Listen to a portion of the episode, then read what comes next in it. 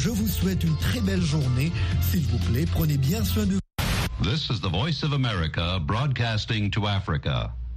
The following program is in Hausa.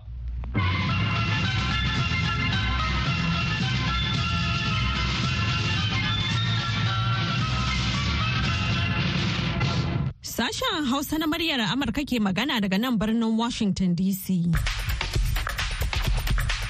Jama'a masu sauraro Assalamu alaikum barkanmu da wannan lokaci da fatan an waye gari lafiya. Maryam Dauda ce tare da Hauwa Sharif da sauran abokan aiki. Muke farin cikin gabatar muku da wannan shirin na safe a yau Alhamis 15 ga watan Fabrairu na shekarar 2024. To kafin ku ji abubuwan da muke tafa da su da farko ga kanan labarai. Amurka ta ɗora wasu mutane uku da kamfanoni huɗu kuma a sassan ƙasashen Farisa wato Iran da haɗaɗɗiyar daular Larabawa da ƙasar Turkiyya. Majalisar Dokokin Amurka na fafutukar ganin ta yi nasarar samun ƙarin kuɗi dala biliyan 60 a matsayin wani agajin gaggawa domin tallafawa ƙasar Ukraine. Shugaba Patrice Talon na ƙasar Benin ya yi kira ga sauran shugabannin ƙasashen ƙungiyar ECOWAS da su sauya shawara game da takunkuman da aka zarga wa jamhuriyar Nijar. A cikin shirin namu na yanzu za ku ji fashin baki daga bakin injiniya Mustapha Bello tsohon ministan cinikayya na Najeriya a game da yarjeniyoyin da Najeriya da Birtaniya suka rattabawa hannu a yayin ziyarar da ministar kasuwancin Birtaniya Kemi Badenoch ta kai Najeriya. Sannan za ku ji cewa Gamayyar ɗarikun addinin Krista sun buƙaci hukumomi su ƙara ɗaukar matakan tsaro a sassan jihar Filato da ke fama da rikice-rikice da yadda 'yan gudun hijirar yankin za su samu damar komawa gidajensu. Muna roko Allah ya sayar da wannan masifa da bala'i. In Allah ya sayar za mu koma kauyuka mu. Domin gaskiya zaman nan kan ba ta daɗi muke ji ba. Muna shan sanye, muna tunanin ya za mu yi mu fara mu mayar da gidajenmu da an kona. Ni ban sani ba. Ɗaya daga cikin 'yan gudun hijirar kenan muna tafa da ƙarin bayani nan gaba. Sannan kamar yadda muka saba a duk ranar Alhamis a wannan lokaci yau ma muna nan tafa da shirin domin iyali. Amma yanzu dai sai a gyara zama a saurari labaran duniya kashi na farko. Jama'a Assalamu alaikum barkanmu da asuba ga labaran mai karantawa Hauwa Sharif. A jiya Laraba Amurka ta ɗora wasu mutane uku da kamfanoni huɗu takunkumai a sassan ƙasashen Farisa wato Iran da haɗaɗɗiyar daular Larabawa da Turkiyya bisa dalilin zargin su da taimakawa ga fitar da kayayyaki da sayan fasahohi daga kamfanonin Amurka zuwa ƙasar ta Iran da babban bankin ƙasar. Ofishin Baitulmali mai kula da kadarorin da ke ƙetare ya ce gungun masu gudanar da sayayyar suna fitar da fasahohin Amurka domin amfani da su a babban bankin ƙasar lamarin da ya karan tsaye ga takunkuman da Amurkan ta dora. Wasu daga cikin kayayyakin da babban bankin na Iran ke buƙata kayayyaki ne da aka kasafta a matsayin kayayyakin yada labarai na tsaro da ke da mahimmanci ga tsaron ƙasa da kula da ayyukan ta'addanci na sashen cinikayya cewar Baitulmalin. A yayin da Majalisar Dokokin Amurka ke fafutukar ganin ta yi nasarar samun ƙarin kuɗi dala biliyan 60 a matsayin wani agajin gaggawa na tallafawa Ukraine. Wasu 'yan majalisar a Amurka da wani muhimmin ɓangare na ƙawayen ƙasashe na hararar ganin an samu wani kaso mafi tsoka wanda ya fi haka daga kadarorin babban bankin Rasha da ake riƙe da su a wasu cibiyoyin kuɗi na ƙasashen yammaci. A 'yan makonnin nan an riƙa samun karuwar azakami da ƙoƙarin ganin an ƙwace kudade da aka riƙe na dindindin da aka kesta yawan su kimanin dala biliyan 300 domin yin amfani da su wajen taimakawa ukraine da sake gina garuruwanta da gine-ginenta da mamayar rashin ta lalata. A washington gwamnatin biden na nuna alamun goyon baya ga ƙoƙarin da majalisa ke yi na samar da sauƙaƙƙiyar hanyar kaiwa ga kwaci kuɗaɗen rasha da aka kiyasta sun kai dala biliyan hamsin zuwa sittin da ke riƙe a cibiyoyin kuɗin amurka. Shugaba Patrice Stalin na ƙasar Benin ya yi amai ya lashe game da takunkuman da ƙungiyar ECOWAS kose da yawo ta kakaba wa jamhuriyar Nijar inda a yanzu ya bayyana cewa a shirye yake ya kira sauran shugabannin ƙasashen na ECOWAS da su canza ra'ayinsu game da takunkuman da aka zarga wa Nijar, Mali da Burkina Faso domin maido da salama tsakanin al'ummomin na ECOWAS. Wannan na zuwa ne kwanaki kaɗan bayan jawabin da shugaban mulkin sojin na Nijar Abdulrahman Tiani ya yi ta kafar rediyo da talabijin ɗin ƙasar da ya ɗauki hankalin jama'a inda ya bayyana dalilan da suka sa Nijar ɗin Mali da Burkina Faso suka yanke shawarar ficewa daga ƙungiyar ta ECOWAS. Analysis da zan yi wata magana tashi biyu ce. Ko ya zamanto yanzu ka ya fara gane gaskiya akan wannan abin wato ba Niger kadai ba zai sahuwa ko ko IUS kadai ya shahi duk gudan ƙasashen da ke hudda da waɗannan ƙasashe uku. Ba zai tabarbara arzikin su na kowane fanni. Sannan na biyu muna ita kuma wani salo ne na waɗancan makiya na su biyu su karkata mai akalan magana shi to da wanga abu saboda mu mu dan bashi goyon baya. Yalle mu buɗe mai faranciyar insuwa da mata manuha ma ta wannan hanya kuma su yi. Tun da mun shi labari cewa har yanzu akwai sojojin faransa a benin. To in ya zama ya tabbata akwai sojojin faransa a benin kuma bai koro wannan sojoji ba ya zo shina zancen a tausaya ko a ɗage waɗannan sanction. Mu sai mu ce hanya ta ake nema ta samun wani dama. An gaida haruna mamman bako. Ana sauraron labaran ne daga nan sashen hausa na murya amurka a birnin washington dc To madalla Kafin ku ji karashen labaran duniyar za mu leƙa ɓangaren rahotanninmu.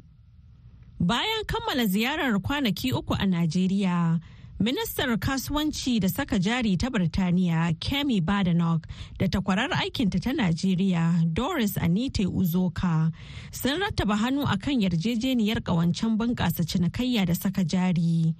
Injiniya Mustapha Bello, tsohon ministan cinikayya da saka jari a Najeriya, ya yi sharhi akan yarjeniyoyin da aka rattabawa hannu a hirarsa da Umar Faruk Musa wakilin muryar Amurka a Abuja. sanin kowa ne ita kanta gwamnatin ingila kwana-kwanan nan shi prime minister suna ya jera abubuwa guda biyar da ya ce waɗanda suke za su amfani da su don farfado da tattalin arzikin ƙasarsu to ɗaya daga ciki shi ne zai su bi hanyoyin da ya kamata su inganta dangantakar ita ƙasar ingila da ƙasashen da suke ko da cikin commonwealth ko kuma sabanin haka don su san yadda za a samu kafa da za a buɗo yadda za a dinga samun kuɗaɗen shiga waɗanda yake za su taimaka wa ita ƙasar ingila ta inganta halin rayuwar al'ummata da gina ayyukan raya kasa to ta haka nake ganin cewa ita kanta yanzu gwamnatin ingila ta ga da buƙata ta bi ƙasashe waɗanda suke a tasu fahimtar da hasashe. Ba shakka nan gaba waɗannan ƙasashen tattalin arzikin su zai bunƙasa zai haɓaka. To idan suka soma tun yanzu a lokacin da abubuwa suka gyaru su ne za su ci gajiyar wannan. Shi ne dalilin da nake gani ya sa suka buko wannan kasa suka zo a samu a sanya hannu a wannan yarjejeniya da za ta ba da dama a nan abubuwa kusan guda bakwai da na ga an zayyana a cikin wannan kundi da aka sanya wa hannu tsakanin ministocin guda biyu da na ingila da najeriya. Menene wannan abubuwa guda bakwai kuma ta ina zai taimaki najeriya? Na farko tukunna akwai tuntuɓar juna da ya kamata a dinga yi a kowace shekara wanda yake tsakanin 'yan kasuwar najeriya da 'yan kasuwar ingila wanda zai ba da kafa da dama yadda yake za a fahimci da ya bukatu 'yan kasuwar najeriya da ya bukatu 'yan kasuwar ƙasar ingila. Akwai kuma za a dibi wato sashin technology da ya shafi wato kimiyyar nan ta yanar gizo kenan wanda ake kira information technology. Akwai sashi na abin da suka shafi fuskar shari'a wato aiki na lauyoyi da kuma sashi na hada-hada kuɗi wanda yake a yanzu nan. Akwai kamfanoni da dama ƙanana wanda ake kiran su fintech a turanci a nan kasan da suke sun yi fice irin su ope irin su money point da makamantansu. Suna ganin akwai dama da za ta ba su shigo ciki su ma su shiga cikin wannan hada-hada da ake sannan da sauran dai makamantansu suka shafi abin da yake zai amfani ƙasar ingila da kuma zai amfani ƙasar najeriya. To amma na ga lauyoyi a najeriya ƙungiyar lauyoyi ta ƙasar tana cewar ba a tuntuɓe ta ba don haka ba za ta goyi bayan baiwa lauyoyin ƙasar ingila shigowa najeriya su yi sana'ar aikin lauya ba ko? Eh to suna da hujja su su koka akan wannan amma ban yi tsammani ba saboda ita kanta wato takardar da aka saiwa hannu a ciki akwai inda suka ce ai babu tilas. Babu abin da aka ce tilas ne dole kowanne daga cikin ƙasashen nan su yi. Saboda ka an sun hango cewa ana so amfani da wannan dama ne a shigo da lauyoyi daga ƙasashen ingila su zo su sana'ar lauya a nan kasan suna kuma ganin ba zai amfane su ba ko zai musu banna wani lahil suna iya aika takarda ga ita wato minista ta cinikayya su nuna abubuwan da suka hango wanda yake zai musu aibu. Na san da an so ma zama za a kawo wannan a ce to a cire a cire wannan abu daga ciki ko ko a'a. An yadda su zo amma su zauna da ita wannan ƙungiya ta lauyoyi ta Najeriya a amince da wuraren da za su koda suna ana bukatan su suna iya shigowa akan suna da kwarewa a wannan wanda yake babu shi a wannan kasan. Ina ganin suna da wannan hujja su yi haka. Saboda haka ba wai abu ba ne wanda yake gaskiya a zahiri ya kamata ya dame su. Don takardan ko wannan yarjejeniyar da aka sanya wa hannu kamar wato irin mun amince ne mu dubi yin kaza in bai yiwu ba mu bar shi in zai yiwu mu yi shi. Ina ganin abin da ke ciki a A gaida Umar Faruk Musa, shirye-shiryen na zuwa muku ne daga nan sashen Hausa na muryar Amurka a birnin Washington DC. To yanzu kuma ga karashen labaran duniya.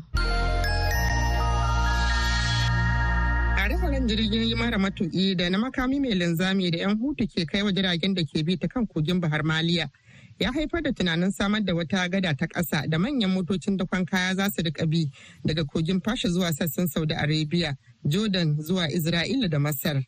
Aikin wanda har ya fara kankama da gwamman manyan motocin dakon kaya ke shiga tashar ruwan haifa da ke Isra'ila a duk rana. Ana kallon shi a matsayin riba ta farko na yarjejeniyar zaman lafiya da maido da kyakkyawar hulɗa da aka cimmawa tsakanin haɗaɗɗiyar daular larabawa da Isra'ilan. To sai dai duk da haka Saudi Arabia bata ce ufan ba a fili game da shirin wanda a ƙarƙashin shi kayan da za a riƙa ɗauka da ratsawa ta hamadar da ke daular Saudiyan ba za a yi mishi kallon mai wata alaƙa da Isra'ilan ba. Batun ginin gada da ta ƙasa tuni har ya haifar da cece kuce a yankin inda a makon jiya ya haifar da zanga-zanga a Jordan da yadda waɗansu suka riƙa bayyana ɓacin ransu game da yadda Isra'ilan ke yakar Hamas a Gaza. A ranar Laraban nan ne Firaministan Isra'ila Benjamin Netanyahu ya sake shan alwashin kai dakarun Hamas hari a birnin Rafa da ke kudancin Gaza bayan janye Isra'ilan daga tattaunawar tsagaita wuta da aka gudanar a birnin Alkahira. Saboda ya ce Hamas ɗin bata sauya zakewarta ba a bukatun da ta gabatar na neman kawo ƙarshen yaƙin. Shugaban na Isra'ila da bai ba da haske ba akan koyaushe yake shirin ba dakarun Isra'ilan izini na kai harin a birnin Rafa.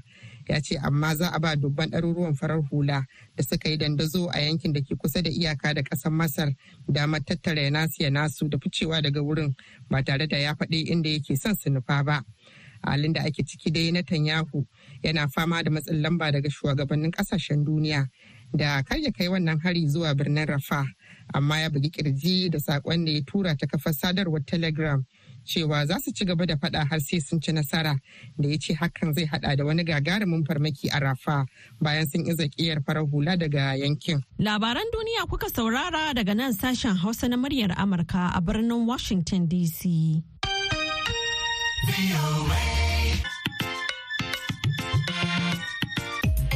To yanzu kuma za mu sake komawa ɓangaren rahotanninmu. Gamayyar ɗarikun addinin Krista sun buƙaci hukumomi su samar da tsaro a wuraren da rikici ya shafa a sassan ƙauyukan jihar Filato a Najeriya don ba waɗanda ke gudun hijira damar sake komawa garuruwansu da gidajensu duba da yadda sansanonin suka cika makil da jama'a. Wakiliyar muryar Amurka Zainab Babaji na ɗauke da ƙarin bayani a cikin wannan rahoton. Shugaban gamayyar ɗarikun na Krista a jihar Plateau kuma shugaban ɗarikar Ekwa, Reverend Stephen Panya Baba, wanda ya jagoranci dukkan ɗarikun zuwa kaiwa tallafi wa 'yan gudun hijira da hare-haren 'yan bindiga ya raba su da mahallansu a ƙaramar hukumar Bakwas a jihar Plateau, ya bayyana takaicinsa kan yadda jama'a fiye da dubu goma ke murkususu a sansani guda fiye da wata ɗaya saboda rashin tsaro ya hana su komawa ƙauyukansu. Muna ci gaba da yin ƙoƙarinmu da yi magana da gwamnati domin su gan an gyara wuraren da an halaka gidaje domin iya koma garurukanku da gidajenku. Za mu ci gaba da yin magana da masu biya cikin najeriya da kuma a ƙasashen waje. Mu gan yadda za a kawo gudumawa kuma in mun tsaya cikin ban mu Ubangiji Allah zai ji mu kuma zai ba mu nasara.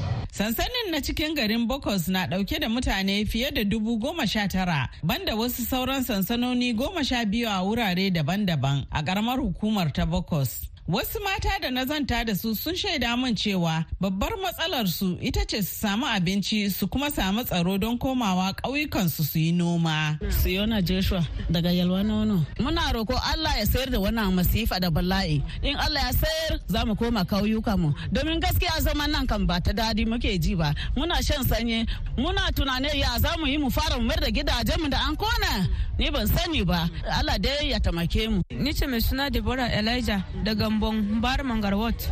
gaskiya muna bukatan taimako a can a kauye muka inda muka bar gidajenmu an mun yi asaran rayuka da gidaje an koko ne mana gidaje. Kamar nima ban san zan yi rai ba da wanda yawan mutanen kauyukan mu. In na hadu da wannan a ce mun kina nan ai an ce an sassa da an kwashe miki yara an sa miki a ƙirji. Da yadan Allah da ikon Allah har na sira na haihu ranar ɗaya ga watan ɗaya na samu tagwaye. A nan kam ɗin kika yau? A nan kam ɗin ne. Shugaban ƙungiyar mata krista reshen khan a jihar plateau madam sarah dalut ta gargaɗi matan da suka samu kansu a sansanin gudun hijiran ne kansu kare mutuncinsu. Ku dogara ga ubangiji. Ku riƙe mutuncinku na mata. Mun san ba son ku ba ne mazajen ku su tafi. An bar miki 'ya'ya ki dogara ga ubangiji. Za ki riƙe 'ya'yan nan. Gobe Allah zai share miki hawaye wanda bin maza a waje Shi ma shugaban ƙungiyar Khan reshen karamar hukumar Bakos Reverend Stephen Asugum ya ce 'yan gudun hijirar suna buƙatar kayan gine-gine don sake gina mahallansu. Ko gwamnati za su yi hanzari su mana building material da sauri-sauri mu iya koma kuma mu za mu je mu yi gina gidajen da su rushe sai su jinka. Domin bari wayanan kauyuka hasari ne a gare mu sosai. But issue of security. Ku taimake mu. Muna buƙata mobile police. Isu sun shigo za mu samu salama a cikin wannan kasan. Bayanai dai na nuni da cewa shugaban kasa bola ahmad tinubu ya amince da gina barikin soji a yankin bar na karamar hukumar bakos don tabbatar da tsaro a yankin.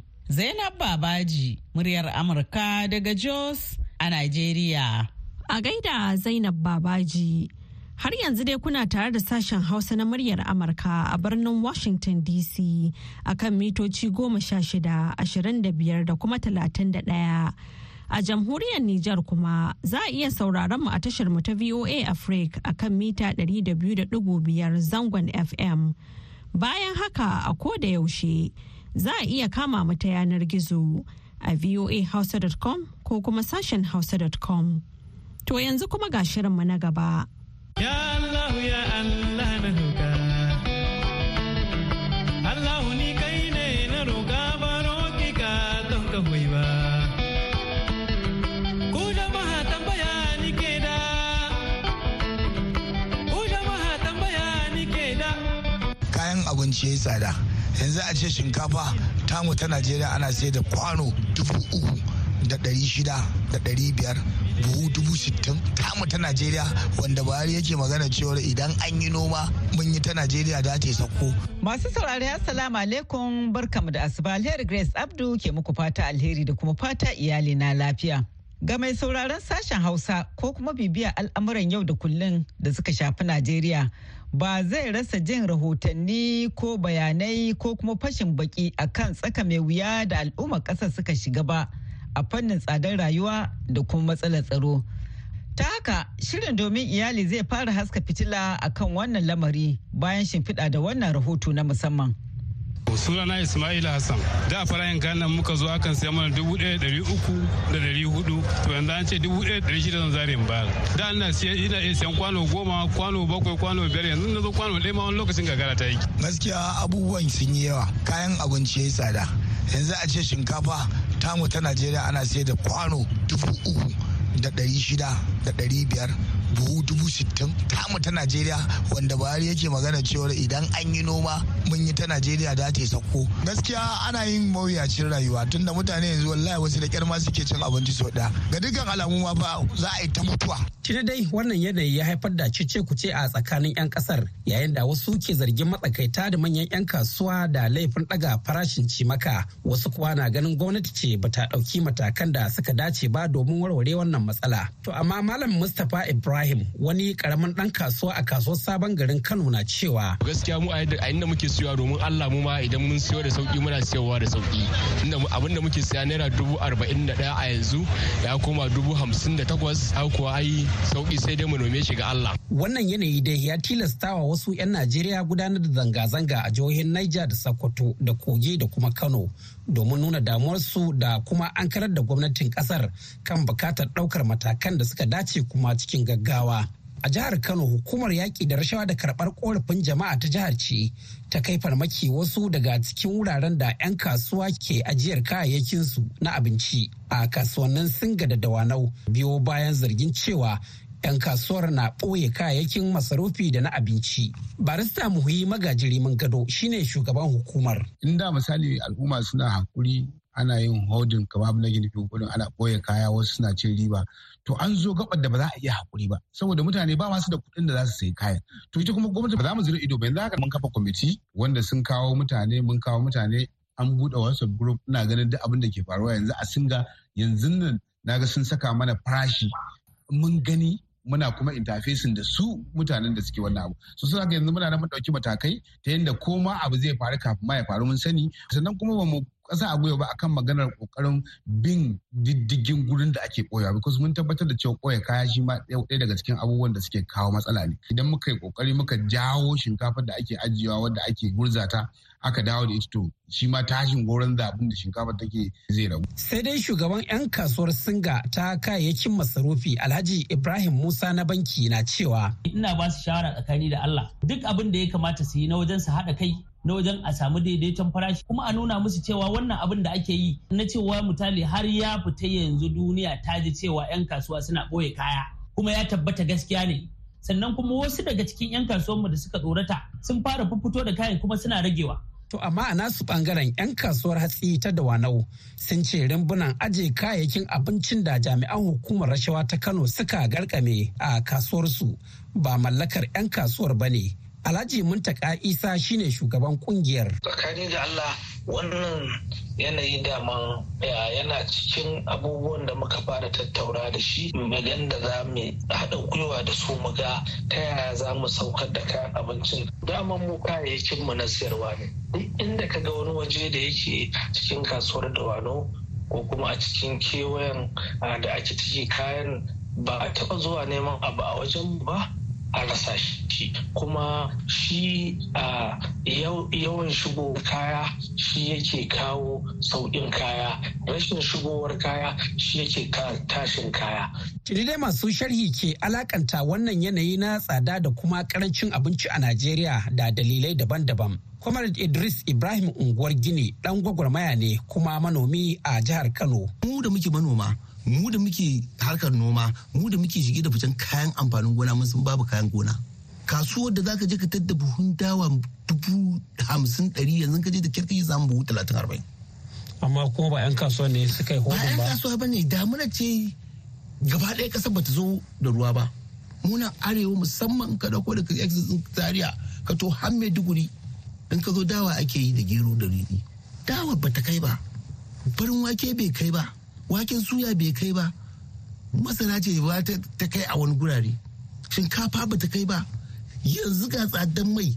Manoma da yawa ba za su iya noman shinkafar rani ba. Ina wata albasa. Na rantse ma da Allah na shafa miliyan ɗaya da dubu ɗari biyar yanzu. Man fetur? Man fetur kawai. na bar ruwa wallahi. Kuma in zo in tunkari shinkafa da yan ruwa ce ita da wannan man fetur din kuma in sai da ita nawa Dangane da haka, Dr. Gazali Ado masanin tattalin arziki da hada-hadar kuɗaɗe wanda ke koyar da wannan fanni a makarantar nazarin gudanarwa da lamuran tattalin arziki ta Kano ke cewa. Dole dole ƙasar nan a karfafawa 'yan Najeriya musamman 'yan kasuwa a gyara noma. Idan aka gyara noma kayan noma na Najeriya irin su zoɓorodo irin su riɗi irin su waken soya idan za a haɓaka nomansu a yi su kayayyaki ne da su citan nan da za a dinga fitar da su dalar tana shigowa. Shi matsalar tsadar dalar nan ta wuri biyu ne ta shigowarta da kuma bukatarta shigowar dala ta hanya ɗaya ce ta mai ne. To yanzu saboda bashin da muka ɗauka kuɗin man fetur ɗin mu kashi wajen tamanin da wani abu cikin ɗari idan an siyar biyan bashi ake yi. Kaga dala da take shigowa Najeriya ne ta karanci. Dama idan ƙasa ta cika shigo da kayayyakin ƙasashen waje idan ƙasa tattalin arzikinta ba shi da ƙarfi da zai kasance kamfaninnika suna tasiri suna sarrafa kayayyakin da ake amfani da shi to dole na waje za su dinga shigowa da shi. Kaya da yawa da ake amfani da su kashi wajen saba'in ko tamanin cikin ɗari kayayyaki ne na ƙasashen waje su kuma in an siyo su da dala ake siyo su su suke ci mana kuɗi. Baya ga tsadar canjin kuɗin dala galibin masana da masu sharhi kan lamuran yau da kullum a Najeriya na ra'ayin cewa cire tallafi daga albarkatun man ƙasar shine tushen shiga cikin wannan yanayi da 'yan Najeriya suka yi. Sai dai Dr. Sa'idu Ahmad Dukawa da ke koyar da kimiyyar siyasa da dabarun mulki a Jami'ar Bayero Kano ya ce akwai matakan gaggawa da ya kamata gwamnati ta ɗauka. Idan aka yi maza aka yi ƙarin albashi, na farko duk waɗanda suke yan albashi ne za su samu sauƙi na nan take. A mataki na biyu da sun samu sauƙi za su tafi kasuwa. Don haka yan kasuwa za su samu ƙarin ciniki. Da su ma kuma za su sake tafiya nemo kayayyaki. Haka abin zai ta kewayawa sai mafiya yawan al'umma sun samu sauƙi haka kuma in ka buɗe bodan nan yan kasuwar da suke shige da fice tsakanin boda da sun samu sassauci nan da nan abin zai sauka ga leburorin da suke yin wannan aikin da dukkan wani wanda yake cin abinci ta wannan hanyar. To amma ana zaune dinkin ba a buɗe bodar ba. Ba a kawo kayan abincin ba ba a garin albashin ba. Ko yake shugaba Tinubu ya sha nana ta cewa yana sane da halin da 'yan Najeriya ke ciki game da matsin rayuwa kuma gwamnatin na ma ɗaukar matakan da suka dace domin gyara lamura. Amma la'akari da koke-koken da ke fitowa daga bakunan 'yan ƙasa ya sanya mai martaba sarkin Kano Alhaji Aminu Ado Bayero ya miƙa wani saƙo na musamman ga shugaban ta hannun mai ɗakin sa sanata Remi Tinubu lokacin da ta ziyarci sarkin a fadarsa a ranar litinin din da ta gabata. Abin da lokaci ya ba mu damar kawo muku kenan yau sai kuma mako mai zuwa mu gayyaci masu ruwa da tsaki domin neman mafita kan wannan lamari. Muna godiya ta musamman ga wakilin Mahmud Ibrahim Kwari da ya ba da gudunmawa ga nasarar shirin da kuma Dadi Balawe da ya daidaita sautin shirin a madadin su duka alheri ke cewa Allah tabbatar mana da alherinsa. Kai mata su ne duniya, su ne daɗin duniya. mata su ne. Madalla a gaida Grace Alheri Abdu. To yanzu kuma ga wannan saƙon.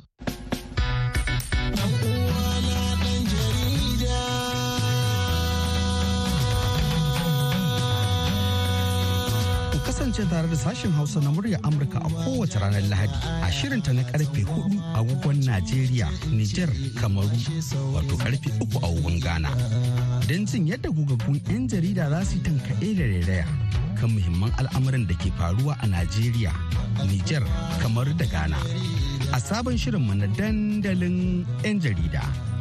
Kada a sha'afa ranar Lahadi a shirinmu na ƙarfe 4 agogon Najeriya, Nijar da Kamaru, ƙarfe 3 agogon Ghana. Sashen Hausa na murya Amurka, duniya a tafin hannu. Yanzu kuma ga takaitattun labaran duniya.